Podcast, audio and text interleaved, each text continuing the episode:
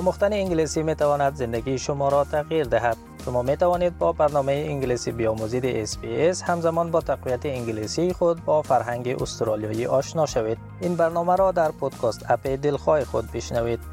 هیرو باج به همراه شریک زندگیش در یک آپارتمان کرایی در ملبورن زندگی می کنند. آنها یک ماه پیش تذکری را دریافت کردند که هیچ کرایه‌نشینی نمی‌خواهد آن را بشنود. او می‌گوید که مشاور املاک و صاحب خانه در نامه به آنها اطلاع دادند که کرایه خانه را به 565 دلار در هفته افزایش می دهند که این 25 درصد بیشتر از کرایه فعلی آنهاست. هیرو می گوید که این موضوع برای آنها استراب و استرس زیاد خلق کرده زیرا اصلا قادر به پرداخت چنین کرایه نیستند و اکنون باید دنبال خانه دیگری بگردند.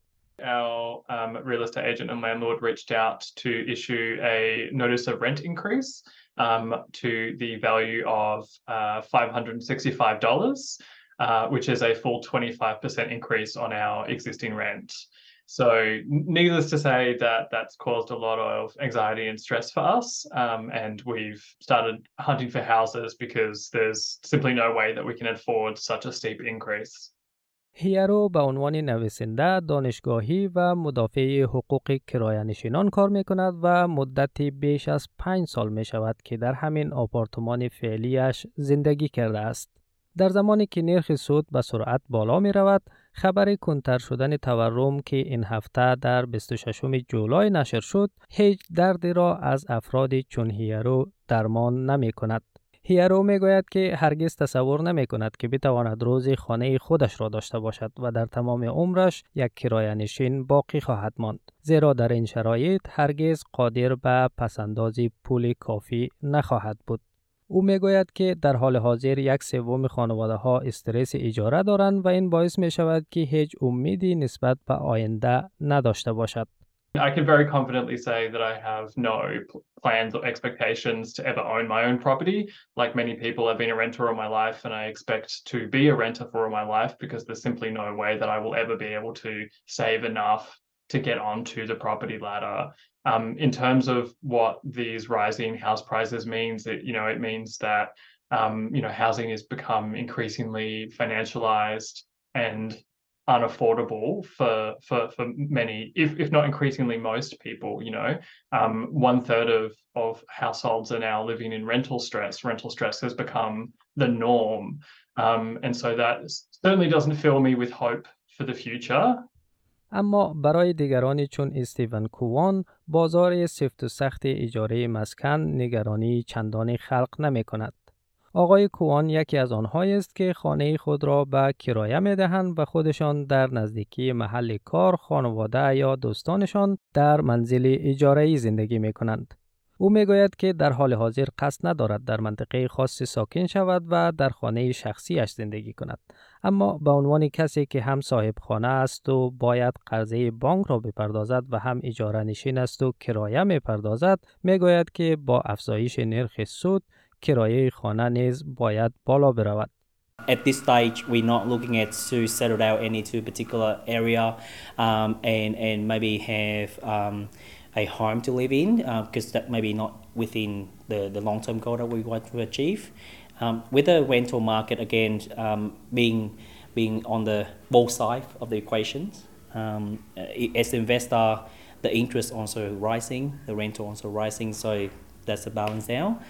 در عین حال قیمت املاک مسکونی در پایتخت شهرهای کشور در سه ماهی منتهی به جون به طور متوسط 3.4 درصد افزایش یافته و رکود سه ماهی دسامبر سال گذشته را جبران کرده است.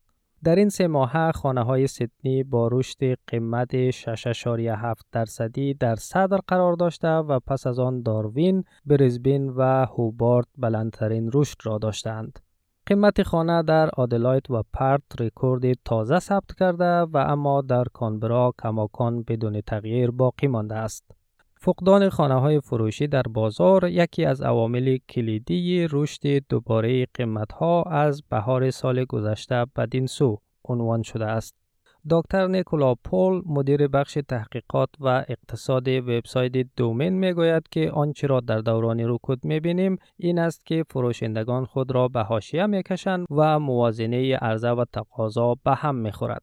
به گفته او رشد دوباره بازار که اکنون شاهدش هستیم می‌تواند برخی از فروشندگان مسکن را از حاشیه به متن بیاورد. What you tend to find during a downturn is sellers do sit on the sidelines, and that's exactly what we saw. But what we have seen is a, a, persistent recovery in Australia's housing market, and I think that's been enough to pull some sellers back to market. We've had a number of months where we've got pent up supply which has been built, and I think what we're seeing now is that price recovery has been enough to really bring some of those uh, sellers to market. به باور برخی از کارشناسان بازگشت فروشندگان به بازار می تواند رشد قیمت را کنتر سازد. به گزارش شرکت کورلوژیک شمار خانه هایی که به حراج گذاشته می شوند نیز رو به افزایش است و تنها در یک هفته گذشته بیش از 17 درصد بالا رفته است.